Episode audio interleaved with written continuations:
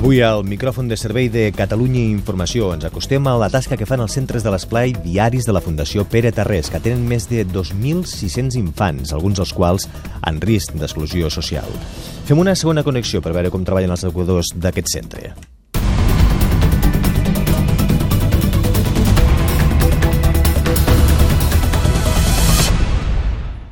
El més gran d'aquest centres el trobem a l'Hospitalet. Allà hi tenim una unitat mòbil amb en Ferran Guerrero i la Pilar Merodio. Pilar, bona tarda. Hola, bona tarda.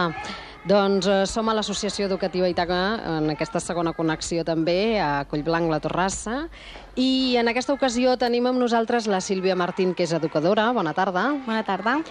I el que li volem preguntar, per, així perquè ens fem una mica la idea de quina és la feina que feu doncs, els educadors i les educadores del centre. Per exemple, mm, com has començat la tarda amb aquests nens? Què, què has fet?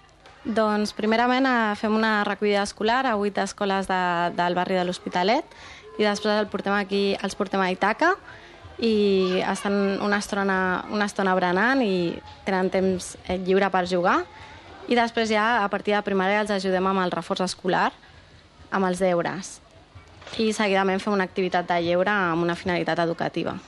Perquè els més petits, eh, m'explicàveu abans que bàsicament doncs, és molt important el, el joc i el berenar, no? Sí, exacte, és molt important, però o sigui, encara no fan deures, però sempre fem algunes activitats amb coneixements.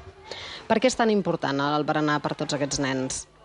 Bueno, doncs perquè aquí tenen el, el seu espai, no? i bueno, és un espai doncs, que poden estar tranquils, berenar amb, els, amb altres companys, es potencia doncs, una bona alimentació, la salut...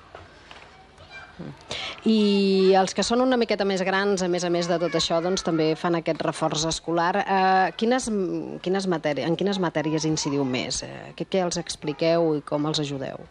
Bueno, una mica el que fem és eh, ajudar-los en, en tots els deures que tenen a, a l'escola. Eh, a part ens posem en contacte amb, amb el professorat per tenir un seguiment més acurat i bueno, doncs, totes les mm, assignatures que ells puguin tenir més mancances.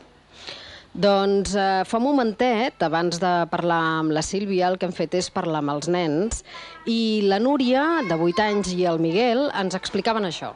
Com arriba la castanyada, pues fem castanyes mm, i fem per la castanyada i vam fer un conte de la Maria la castanyera. Eh, hacer los deures. Tens molts deures? Pocos. Però els faràs aquí, no? Quins deures tens? Sumas y esas y, y els exercicios. Uh, és molt important, dèieu també, la, la, la feina en relació amb les escoles, no? És a dir, perquè hi hagi una continuïtat i perquè els nens doncs, tinguin un suport que, que estigui també en la línia i a l'escola, amb el que es treballa a l'escola, no? Sí, exacte. Creiem que és molt important tot el tema de l'escola, família no? i TACA, que anem tots junts, i per això doncs, fem coordinacions i fem unes avaluacions de com estan, de com estan anant els nens i bueno, doncs, des d'aquí ajudar-los en tot el que sigui possible. Si no tenen deures, eh, repassem altres coses, tot per millorar acadèmicament. Sí, I logopeda, psicòleg també, per totes les, eh, les eventualitats que es puguin trobar aquests nens, no? Sí, exacte. També tenim un servei de logopèdia i un servei de psicopedagogia i de, bueno, de psicologia i bueno, tractem amb les famílies també perquè és molt important i tot el que és l'entorn de l'infant.